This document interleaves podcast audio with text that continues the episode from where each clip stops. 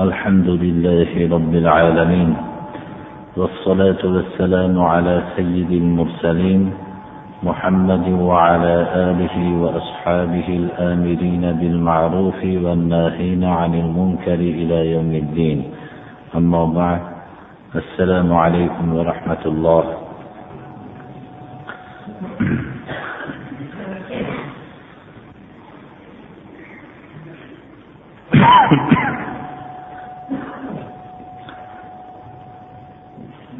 Muazzin tarafidan doim azon e'lon qilingan vaqtda bismillahi rohmanir rohim hayya ala solah hayya alal falah kalimalari bilan kishilarni namozga va najotga chaqiriladi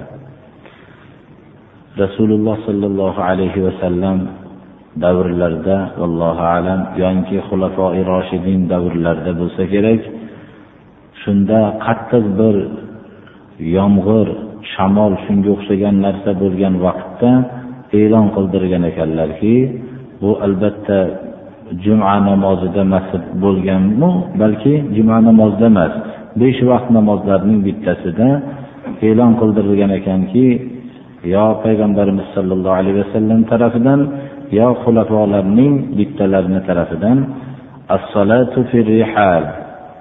Ya'ni hayya ala salah degan kalimani o'rniga as-salatu rihal namozni uylarda o'qinglar degan kalima e'lon qilingan ekan.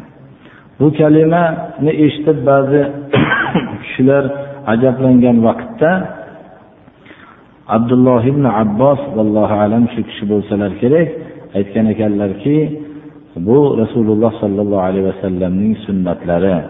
Bu shu kishi tarafidan biz ma'mur bo'lganmiz degan ekanlar. Bu narsa ko'rsatadiki jamoat namozi uchun qanchalik e'tibor kuchli bo'lgan hatto jamoat namozlaridan islom hukmi barpo bo'lib turgan o'rinlarda o'zini chetga olgan kishilarni haqida aniq munofiqlik belgilari deb ularni haqqiga shunday munofiqlik belgisi bor kishilar deb aytilgan bo'lsa ikkinchi tarafdan islom o'zining ahliga qanchalik mehribon bo'lganligini ajratib olsak bo'ladiki hatto jamoat namozlari bo'lganda qattiq bir kishilarga qiyinchilik holati tug'iladigan bo'lganda as-salatu firrihal namozlar uyda o'qilsin bu shu vaqt namozi degan buyruq ham bo'lganligi payg'ambarimiz sollallohu alayhi vasallamdan mana sobit bo'lgan mana. Islom ahliga qanchalik mehribon bo'lganligini shundan bilsak bo'ladi. Bu so'zni aytishlikdan maqsad ba'zi kishilar hozir bir maiza vaqti tahir bo'lib qoldi degan fikr kelgan bo'lsa hozirgi ob havodagi tashqarida turgan kishilarni hisobga olib maiza qilingan vaqtda hammalari bir joyga jamlanib o'tirishlari lozim keladi deb sal tahirroq qilinishligini sababi shu birodarlar. بسم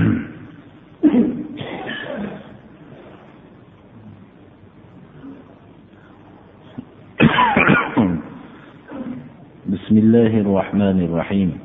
جمعة كنا دقاء قرآن كريم دان دوام اتوات كان درسمس سورة آل عمران دان أعوذ بالله من الشيطان الرجيم.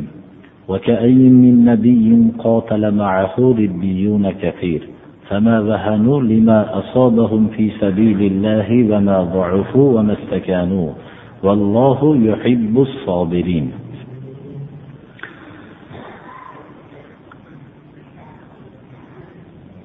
avvalgi darsimizda uhud voqealarida ko'p ashoblarning shahid bo'lganliklari ko'plarining jarohatlanganliklari va ko'p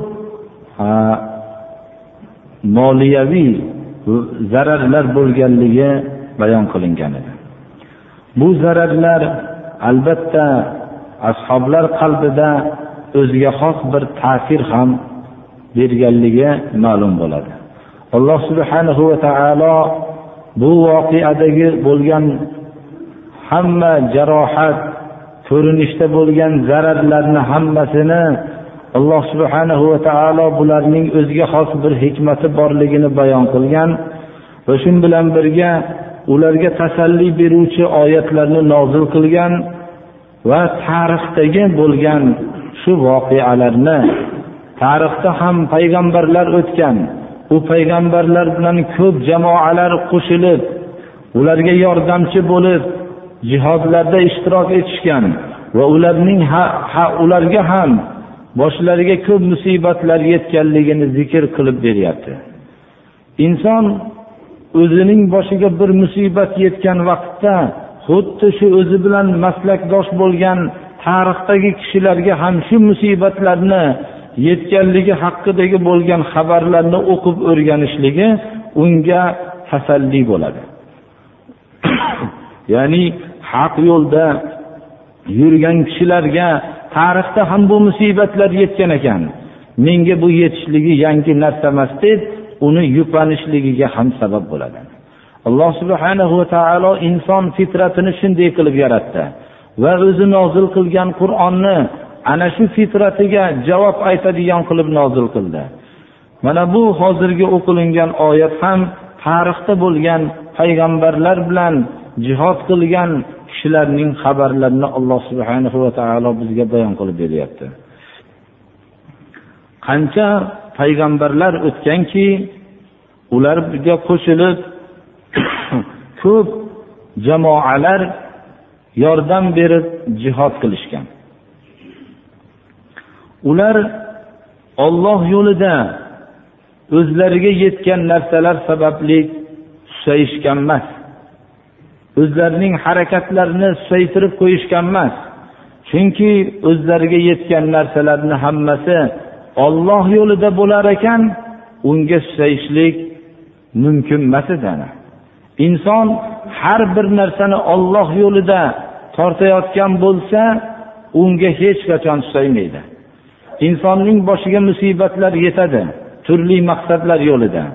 Xususan hurmatli bo'lgan ota onalarining xizmatlari sababli boshlariga biror bir musibat yetib qolsa bunga haqiqiy sodiq farzandlar g'amgin bo'lmaydi.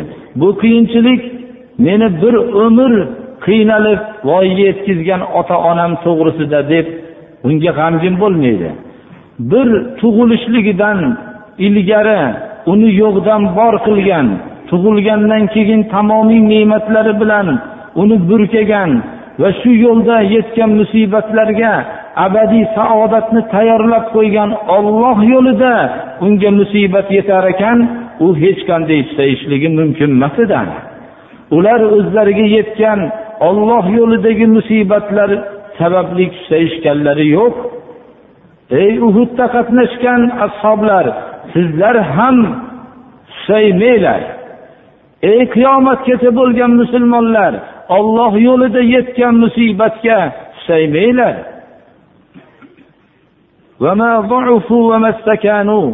ular zaiflashganlari yo'q. Ular o'zlarining g'oyalari yo'lida olloh buyurgan g'oya yo'lida kurashlarida davom etishlikdan zaiflashganlari yo'q. Dushmanlarga ular taslim bo'lishganlari yo'q boshlariga yetgan musibatlar sababli. Bu haqiqiy mo'minlarning ahvoli shunday bo'ladi. Va mana shunday boshlariga olloh yo'lida yetgan musibatlarga sabr qilgan kishilarni olloh yaxshi ko'radi mana. Vallohu yuhibbus sobir kim? Boshiga yetgan musibatga o'zining harakat yo'nalishidan to'xtab qolib nima qilaman endi sabr qilaman degan kishi sabrli kishilar emas o'zlarining yo'nalishlarini yo'qotmasdan yetgan musibatlarga parvo qilmasdan yo'nalishlarida davom etib yetgan musibatlarga sabr qilgan kishilargina sobirlar hisoblanadi. Bizni islomdagi islomiy axloqlarning mazmunlari islom dushmanlari tarafidan boshqacha bir talqin qilingan birodarlar.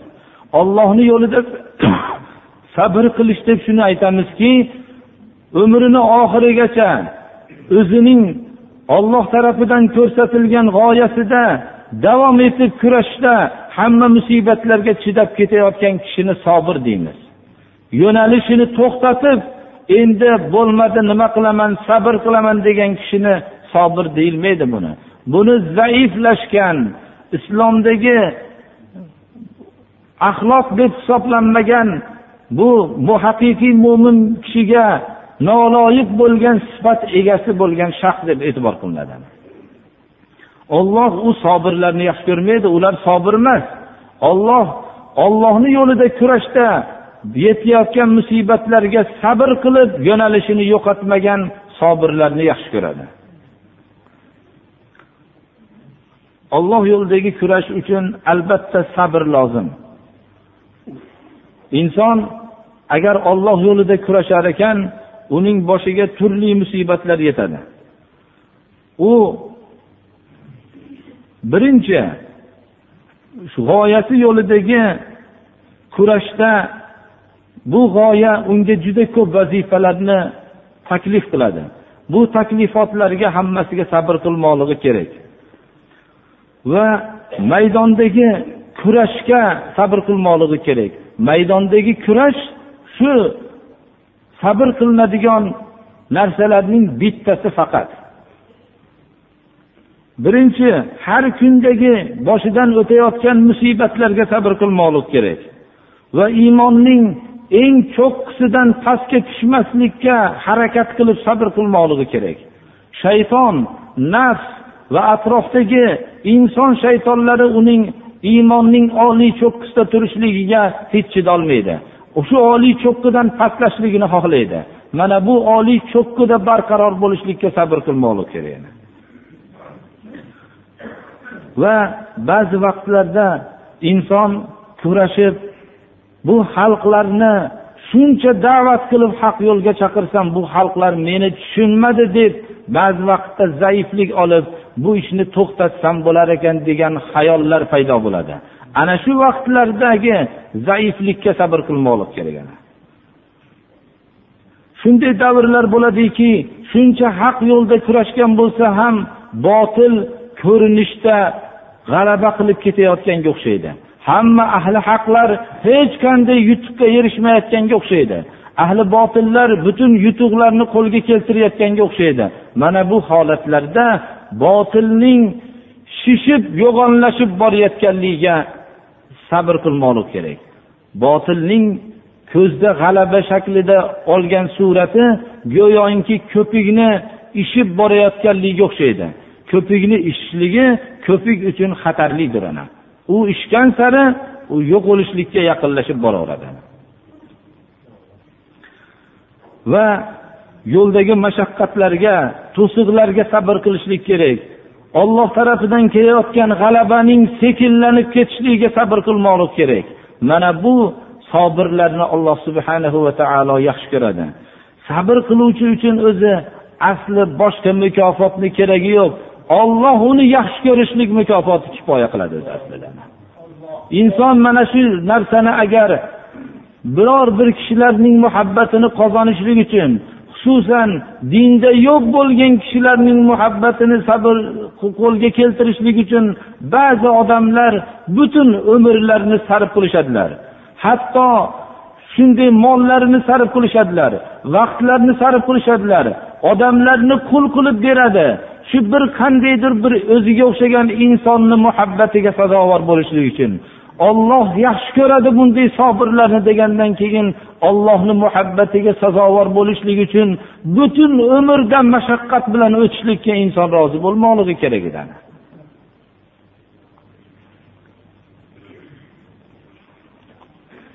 iymon halovati insonga nasib bo'ladigan bo'lsa olloh yaxshi ko'radi degan mukofot uni o'ziga kifoya qiladi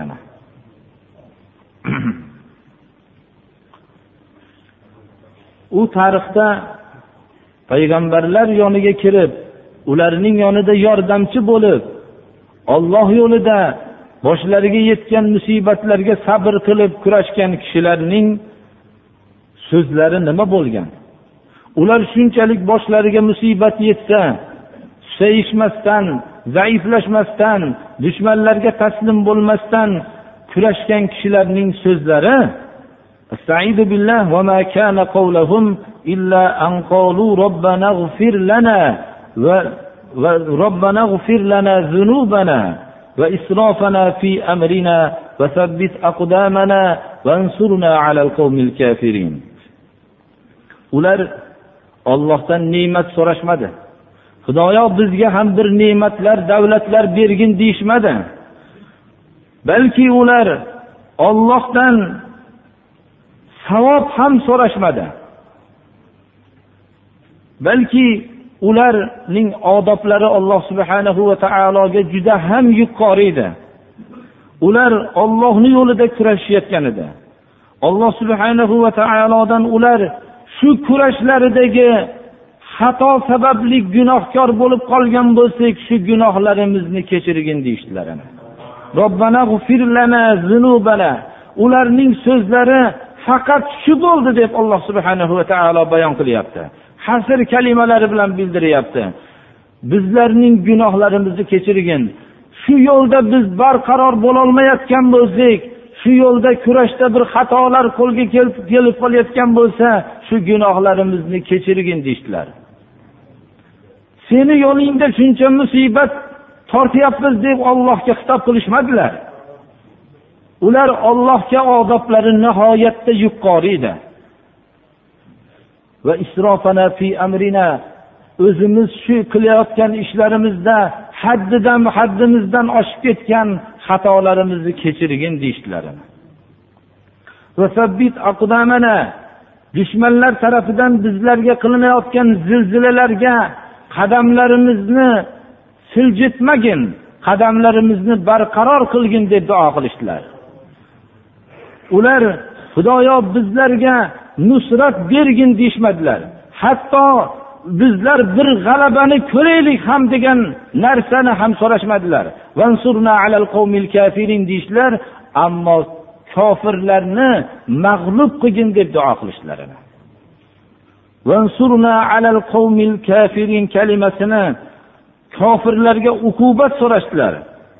Ana haqiqiy ollohni yo'lida sobir bo'lgan kishilarning ollohga nisbatan qilgan odoblarini alloh subhanahu va taolo zikr qilib berdi.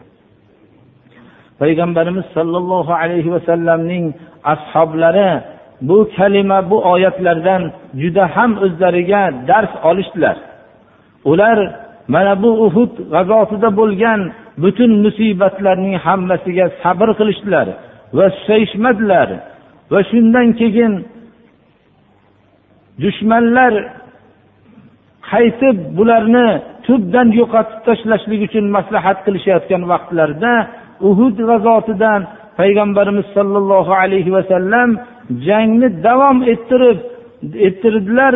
Alloh subhanahu va taolo dushmanlarning qalbiga tashvishni soldi ular chekinib ketishdilar ular shunchalik musibat yetgan bo'lsa ham ular boshlariga musibatlar mana aytib o'tdik toqatdan tashqari bo'ladigan musibatlar bo'lsa ham sabr qilishlarini. O'tgan payg'ambarlarning tarixini alloh subhanahu va taolo zikr qilib beryapti. Ularning so'zlari mana faqat bizlarning gunohlarimizni kechirgin ishlarimizdagi tajovuzlarimizni kechirgin va kofirlarga uqubat bergin kofirlarga bizlarni g'olib qilgin dedilar ular o'zlariga biror bir narsa so'rashmadilar. Inson olloh yo'lida kurashib o'ziga hech narsani so'ramasa alloh subhanahu va taolo butun umri bo'yi dunyoni talab qilib istab yurgan odamlar orzu qilgan narsalarni beradi. Inson o'zining tasavvurini to'g'rilab olsa alloh subhanahu va taolo ularga dunyodagi yaxshiliklarni ham oxiratdagi yaxshiliklarni ham hammasini beradi. Avval inson alloh subhanahu va taolodan o'ziga qilayotgan mehnatiga shaxsiga bir narsa so'ramaslikni odobi bilan odoblansa alloh subhanahu va taolo dunyoni istab yurganlar orzu qilgan narsani beradi.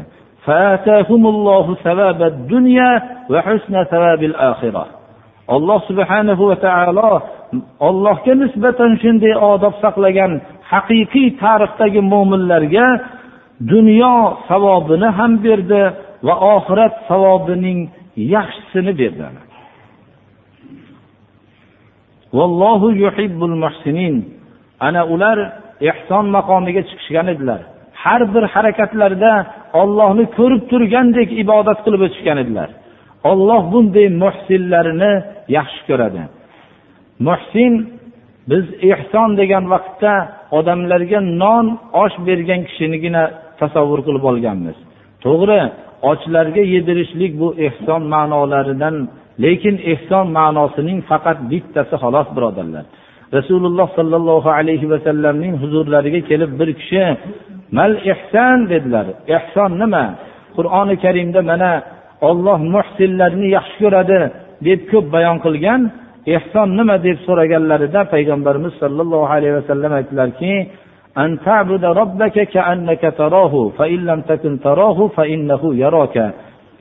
ollohni ko'rib turgandek ollohga sig'inmoqligingiz ehson dedilar. Agar ollohni ko'rib turgandek ibodat qilishlikni o'zingizga tasavvurini joylay olmagan bo'lsangiz olloh meni ko'rib turibdi deb hayotda ollohga sig'inib yurishligingiz ehson dedilar bular ollohni ko'rib turgandek ibodat qilishgan edi. Inson bir kishining maqsadini bajarish yo'lida musibat tortgan bo'lsa uning ro'barusida turgan vaqtda men shu aytgan narsa sababli juda ko'p mashaqqatlar chekdingiz desa yo'q hech qanday mashaqqat chekkanim yo'q hech narsa bo'lgani yo'q deb biz shu kalimani aytamiz. Ollohni ko'rib turgandek turgan kishi ollohni yo'lida tortgan musibatini men hech qanday musibat tortganim yo'q. Xudoyo shu seni buyurgan yo'llaringni bajarishlikdagi xatolarimni kechirgin deydi ana. Ehson maqomiga chiqolmagan kishilarni kalimalari shu bo'ldi. Xudoyo gunohlarimizni kechirgin deyishdilar. Shuncha musibat shuncha g'amlarni tortishgandan keyin. Ammo bizchi olloh yo'lida qilayotgan maishatimizga liboslarimizga turar joylarimizga hali bir narsa yetgani yo'q. Biror bir zarar xalqlar tarafidan biror bir kalimaga duchor bo'lib qolsak dilimizga qattiqroq tegadigan narsaga duchor bo'lib qolsak shunga sabrsiz bo'lib ketayapmiz birodarlar chunki biz qur'ondagi darslar bilan yaxshi bu darslar bilan shug'ullanmayapmiz. Tarixdagi payg'ambarlarga yetgan darslarni biz yaxshi o'rganmayapmiz. O'rganayotgan bo'lsak bunga amal qilmayapmiz shuning uchun ham bizga bu ta'sir bo'lmayapti. Ollohni yo'lida ehson maqomiga chiqqan kishilar ollohni o'zidan ham dunyoni so'rashmaganlar. Solim ibn abdulloh ibn umar ibn hattob roziyallohu anhu roziyallohu anhum umar ibn hattobning nabiralari solim ismli bu kishi tobiinlardan bu kishi abdulloh ibn umarni o'g'illari bo'ladilar. Xalifa mansur davrlarida o'tganlar. Xalifa mansur solim roziyallohu anhuni ko'rdilar. Bu kishini ko'rganlarida kabani oldida turganlarida aytdilarki kabani ichida shunday ibodat qilib turgan holatlarda uchratdilar. Aytdilarki juda bir yaxshi maqomda uchradim biror bir narsani mendan talab qiling dedilar. Xalifa mansur shunda aytdilarki ollohni uyida turib ollohdan boshqadan bir narsa so'rashlikdan uyalaman dedilar. Shunda mansur xalifa tashqariga chiqdilar. Bu kishi musulmon podshohlardan xalifalardan edi birodarlar. U kishi juda amalli kishilardan edi. Tashqariga chiqqanlarida aytdilarki mana ollohni uyidan chiqdik endi mendan bir narsa talab qiling dedilar. Shunda aytdilarki nima talab qilaman dedilar. Bizda ilm yo'q sizdagi ilm. Bizda sizdagi taqvo yo'q. Bizda shu dunyo bor. Shu dunyodan bizdan talab qiling deganlarda aytgan ekanlarki men dunyoni dunyoni egasidan so'ragan emasman dedilar. Sizdan men dunyo so'ramayman dedilar. Ana xalifa mansur shunda nasihat so'radilar. Nasihatni qattiq nasihat qildilar. Xalqlarga zulm qilmaslik haqida nasihat qildilar. Ana bizning ilgarigi ulamolarimiz mana shunday bo'lgan. Shunday ulamolar vujudga kelganligi sababli ehson maqomiga chiqqan ulamolar bo'lganligi uchun islom yer yuziga tarqalgan birodarlar. Hamma millatlarning ichiga islom tarqalgan. Ammo hatto ular ollohdan ham dunyoni so'rashmaganlar ollohdan dunyoni so'rashlik ayb emas birodarlar. Odamlardan dunyo so'rashlik ayb. Tamagir bo'lishlik ayb. Bizlar davrimizga kelib tamagir bo'lishlik o'zi fazilat bo'lib qoldi birodarlar. Bunday xalqlar o'rtasida islom rivojlanmaydi hech qachon. Ollohni sunnati bunday xalqlarni xorlashlik. Hadisi qudusiylarda ana inda abdi bi. Men bandam meni qanday gumon qilsa shunday bandamni gumonidaman deyapti. Agar banda men shu odamlarga xor bo'lmasam dunyo topolmayman desa alloh subhanahu va taolo dunyoni ularga xor qilib turib beradi. Agar u ollohni meni yaratuvchi yo'qdan bor qildi meni onani qornida yotganimda menga rizq berdi desa ana shunday iymoni mustahkam bo'lsa olloh o'zi rizq beruvchi zot desa aziz bo'lgan holatda olloh o'zi menga rizq beradi desa olloh bandaning gumonini noto'g'ri qilmaydi. Alloh subhanahu va taolo mana bu hadis sharifda bandam meni qanday deb gumon qilgan bo'lsa shundayman deyaptilar.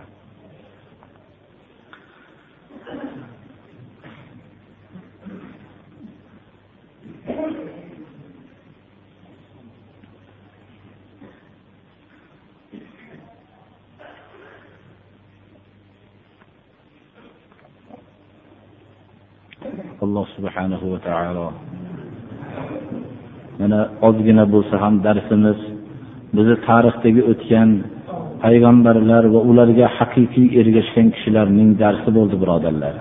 Alloh subhanahu va taolo bizlarni ham shu darsdan o'rnak olishlikka alloh tavfiq bersin. Shu darslarni hammasini qalbimizga jo qilsin amal qilishlikka alloh subhanahu va taolo tavfiq bersin. Xalqlarimizni shunday haqiqat yo'liga hidoyat qilsin اهدنا الصراط المستقيم صراط الذين أنعمت عليهم غير المغضوب عليهم ولا الضالين صلى الله تعالى على خير خلقه محمد وآله وأصحابه أجمعين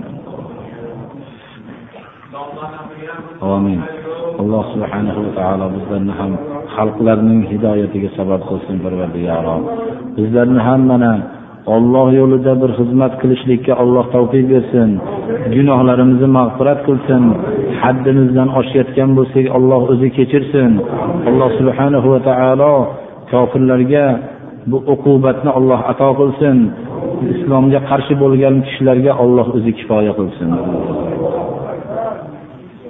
Bir kishilar ko'pchilikni farzandlarini hidoyatiga bir duo qilinsin debdilar. Bu ko'pchilikni xatlarini mazmuni shundan iboratki biz haqiqiy dinga amal qilsak ba'zi dadalarimiz to'sqinchilik qilyapti e, dadalarimiz shariatga xilof qilgan ishlar bilan shug'ullanyapti degan maktublar bor. Men shunga umumiy qilib bir javob bermoqchiman. Bir kishi iymonga kirishlikdan ilgari qaysi yo'lga qadam qo'yayotganligini his qilib olishligi kerak. Bu iymonu islom olloh tarafidan payg'ambarlar olib kelgan yo'l. Bu yo'lda hech kim iymonga birovni majbur qilinmaydi. Xohlasin kishi iymonni qabul qilib islomni qabul qilib ollohning dunyoyu oxiratdagi haqiqiy saodatiga erishsin xohlasin nauzubilloh iymonni qabul qilmasdan o'zini islomni qabul qilmasdan dunyoyu oxiratdagi shaqovat badbaxtlikka erishsin bu ixtiyoriy narsa. Ammo iymonni qabul qilgandan keyin islomni qabul qilgandan keyin unda ixtiyor qolmaydi. Endi ixtiyorini ollohga beradi. Olloh nimani buyursa qiladi. Olloh nimadan qaytarsa qaytadi. Bu yo'lda xoh musibat yetsin xoh yetmasin. U musibat begonalar tarafidan bo'lsin xoh o'zining qarindoshlaridan bo'lsin. Endi bu birovni rioya qilib bu haq yo'lni o'zgartirishlikka haqqi yo'q uni. Endi u iymoni islomga kirishlik bilan ollohning diniga kirdim deb bilishligi kerak. U endi mahalla qarshilik qilyapti deb mahallani diniga o'tib ketmasligi kerak. Endi u qarindoshlarim qarshilik qilyapti deb qarindoshlarini diniga o'tib ketish kerak emas. U endi hatto dadam qarshilik qilyapti deb dadasini diniga o'tib ketishligi mumkin emas. Buvim qarshilik qilyapti deb buvisini diniga o'tib ketishligi mumkin emas. Endi u biror bir zolim qarshilik qilyapti deb zolimni diniga o'tib ketishlik mumkin emas. Agar o'tib ketsa u ollohni dinida bo'lmaydi. U mahalla dinida bo'ladi. U boshqa qarindoshlarini dinida o'ladi. U yoyinki ota onasini dinida o'ladi. Yoyinki u boshqa bir zolimni dinida o'ladi. Din ollohniki din o'zgarmas qonun bu. Bu qonunni har qanday hurmatli odam biror bir boshqacha talqin qiladigan bo'lsa biz unga iymoni islomga haqiqiy o'tgan kishi iymonning cho'qqisida turgan kishi u bilan murosa qilishligi mumkin emas. Mana bu narsani bilib olishlik kerak. Shuning uchun har tarafdan yetayotgan musibatlarga o'zining muvozanat bilan saqlanishligi uni haq yo'lga da'vat qiladi uni dinga majbur qilmaydi haq nima ekanligini e'lon qiladi. Inson haqiqiy iymonga kirganligi imtihonsiz dunyoda bo'lmaydi birodarlar. Dunyoda imtihon shuki u haqiqiy iymonga kirdimi ollohni diniga yo mahallasini dinida yasharmidi? Uni olloh o'zi voqealar bilan isbotlab beradi. Mana ko'rib turibmizki juda ko'p ahli islomman deb haqman deb yurgan kishilar ular mahallasini dinida ekanligi ma'lum bo'lib qoldi birodarlar. Nimaga?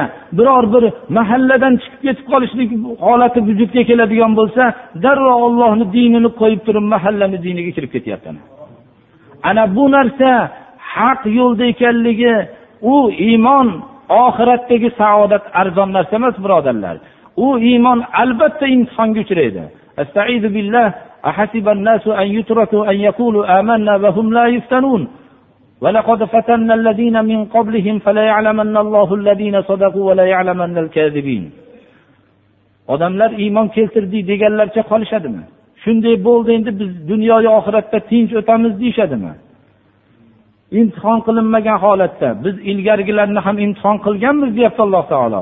Bularni ham imtihon qilamiz. Va o'zlariga ham ma'lum qilib qo'yamiz iymonlarining qancha bo'lganligini. Mana bu oyat bizlarga mana ba'zi kishilar o'zlarining ayollarini dinida ayollari bir yo'lga buyursa ollohni dinini qo'yib ketishaveradilar. Hech qanday islomdan begona bo'lgan ayollarini diniga kirib ketishaveradilar. Ayollar ham imtihondan o'tadi.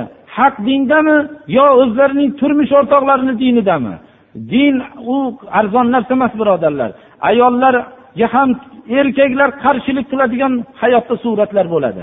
Ana shu vaqtlarda bu akam aytdi akasini dinidami? Ayollar xususan zaif bo'lganligi uchun akalari tarafidan talqin qilingan yo'lga o'tib ketib qolishligi mumkin. Din ollohniki takror aytaman. Bu narsa hech qanday birov o'zgartirishlikka haqqi yo'q. Bu narsani o'zgartirib boshqalar bilan murosa qilishlikka haqqi yo'q birovni avval iymonga kirayotgan kishi o'zini bilib olsinki johiliyat bosqichidan saodat bosqichiga kirib borayotganligini bilsin ana. Ana bu narsada qarshilik qilishlikka o'zining hamma qarshilik o'qlariga nishona bo'lishligini yaxshi bilib olsin mana. Muso alayhissalom alloh subhana va taolo bilan munojat qilganda ey robbim men seni yaxshi ko'raman deganlarda bo'lmasam butun dushmanlar tarafidan bo'lgan senga uziladigan o'qqa hozirlan degan ekan ana. Allohga bir kishi muhabbat qilar ekan bu muhabbat bu juda katta muhabbat bu. Bu yo'lda juda ko'p musibatlar tortishligi mumkin ana inson darrov ozgina vaqtda mana imtihondan chiqishlikka majbur mana ashoblar ichida ba'zilari iymon keltirgan. Dadasi butun umr qarshi bo'lganlar bor edi. Ba'zi ayollar iymon keltirgan edi. Akasi qarshi edi. Ba'zi ayollar iymon keltirgan edi. Turmush o'rtog'i dinsiz edi qarshi edi. Ba'zi ayollar iymon keltirgan bo'lsa butun qarindoshlar qarshi edi. Ba'zi kishilar iymon keltirsa ana o'zlarining ota onalari qarindoshlari mahallalari qabilalari qarshi bo'lgan kishilar bor edi. Ular ana shu imtihon bosqichlari hayotda hammasi ko'rinib o'tdi. Bizga saqlanib qoldiki biz ham shu imtihon bosqichlarini bosib o'tishligimiz muqarrar ekanligini alloh subhana va taolo o'zi ilmi azalisda bildi va shu narsani bizga tarixni mana shunday saqlab qoldi mana. Shu narsani yaxshi anglab olishimiz kerak. Biz haq yo'lga da'vat qilamiz qabul qilsa yaxshi qabul qilmasa biz javobgar emasmiz. Ammo da'vatimizni to'xtatmaymiz bu eski tarixlarda ham shu bo'ldi. Fir'avnning ayoli osiya bu dinda barqaror ayol edi kamolot hosil qilgan ayollardi eng yer yuzining zolimini qo'lida turgan ayolni dindan qaytara olmadi ana. Iymon mana shunday bo'lishligi kerak birodarlar hozirgi odamlarga yetayotgan musibatlar meni fikrimda musibat emas. Ular u qalbida iymonlari mukammal bo'lmaganligi natijasida musibat deb bilishadilar iymon mukammal bo'lsa bu musibatlar bilan lazzatlanib yashashadilar alloh subhanahu va taolo mana shu hozirgi maktubni yozgan kishilarni dinda barqaror qilsin. Ollohni dinidan mahallasini diniga o'tib ketishlikdan olloh saqlasin.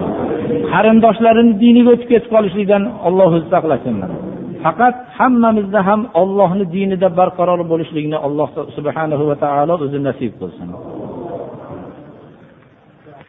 Va keyingi oyatlarda har bir millatdan har bir qabiladan da'vat qiluvchi kishilar bo'lishligiga buyuryapti. Da'vat yo'lida ollohnidan qo'rqishlikni taqvo qilishlikni lozim tutmoqlikqa buyuriydi. Da'vat yo'lida eng qiyin da'vat qilinadigan kishilar bir tarafdan o'zizga nisbatan quvvatli bo'lgan xususan zulmga ega bo'lgan kishilar bo'lsa ikkinchi tarafdan sizning go'daklik vaqtingizda sizni tarbiya qilib shu voyaga yetkazgan vaqtida siz haq yo'lni bilsangizu u nohaq yo'lda bo'lsa ana u kishilarni da'vat qilishlik juda og'irdir birodarlar. Bunga insonning qalbida juda kuchli iymon bo'lmoqligi kerak. Muso alayhissalom daryoga tashlanganlaridan keyin fir'avnning saroyida shu yerda tarbiya topdilar. Bu yerda go'daklik vaqtlarida shu yerda ulg'aydilar. Alloh subhanahu va taolo payg'ambar qilib fir'avnni haq yo'lga da'vat qilishlikka buyurdi. Ana ham u yer yuzining eng zolimi edi. Hamda muso alayhissalom tarbiya topgan xonadon edi. Fir'avn muso alayhissalomdan da'vatni eshitganlarida xitob unga u kishiga rad qilib aytdiki alam nurobbika fina validan va labista fina min umrika sinina va fa'alta fa'alataka allati fa'alta va anta minal kafirin. Meni oldinda go'daylik vaqtingda men tarbiya qilmadimmi? Endi kelib meni noto'g'ri deb to'g'ri yo'lga chaqiryapsanmi? degan narsa birodarlar bu juda og'ir bu har bir kishiga. Ana eng umr bu imtihondan o'tasizki umr bo'yi sizni tarbiya qilishlikka xalq yo'l odamlarni sizga ko'p sizga qarab turgan odamingizni da'vat qilishligingiz juda og'ir bo'ladi mana bu imtihondan alloh subhanahu va taolo o'zi madad bergan kishilargina salomat qoladi بارك الله لي ولكم في القرآن العظيم ونفعني وإياكم بما فيه من الآيات والذكر الحكيم إنه هو الغفور الرحيم اللهم صل على عبدك ورسولك محمد النبي الهاشمي الأوفاء وارض اللهم عن الأربعة الخلفاء والسادة الحنفاء أبي بكر وعمر وعثمان وعلي وعن سائر الصحابة أهل الصدق والوفاء وعن التابعين بإحسان ولطريقته مقتفى وعنا بعفوك وكرمك يا خير من تجاوز وعفا. اللهم أعز الإسلام والمسلمين وأذل الشرك والمشركين. فاذكروا الله العظيم الجليل يذكركم واشكروه على نعمه التي لا تحصى يزيدكم ولذكر الله أكبر والله يعلم ما تصنعون. اللهم تقبل منا هذه الصلاة واعف عنا مع جميع نقصاناتها بفضلك وكرمك يا أكرم الأكرمين. فيا أرحم الراحمين. اللهم إنا نسألك العفو والعافية في الدين والدنيا والآخرة. اللهم استرنا بسترك الجميل. اللهم احفظنا يا فياض من جميع البلايا والأمراض. ربنا لا تجعلنا فتنة للقوم الظالمين ونجنا برحمتك من القوم الكافرين. اللهم أعنا على ذكرك وشكرك وحسن عبادتك وصلى الله تعالى على خير خلقه محمد وآله وأصحابه أجمعين الطاهرين الطيبين وارحمنا واحشرنا معهم برحمتك يا أرحم الراحمين.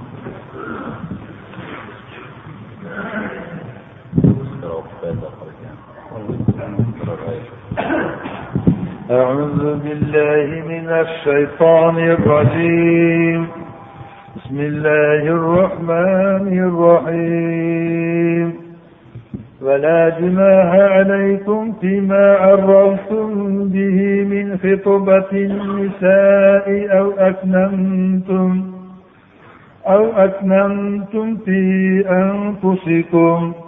علم الله أنكم ستذكرونهن ولكن لا تواعدوهن سرا. ولكن لا تواعدوهن سرا إلا أن تقولوا قولا معروفا. ولا تعزموا عقدة النكاح حتى يبلغ الكتاب أجله. واعلموا أن الله يعلم ما في أنفسكم فاحذروه.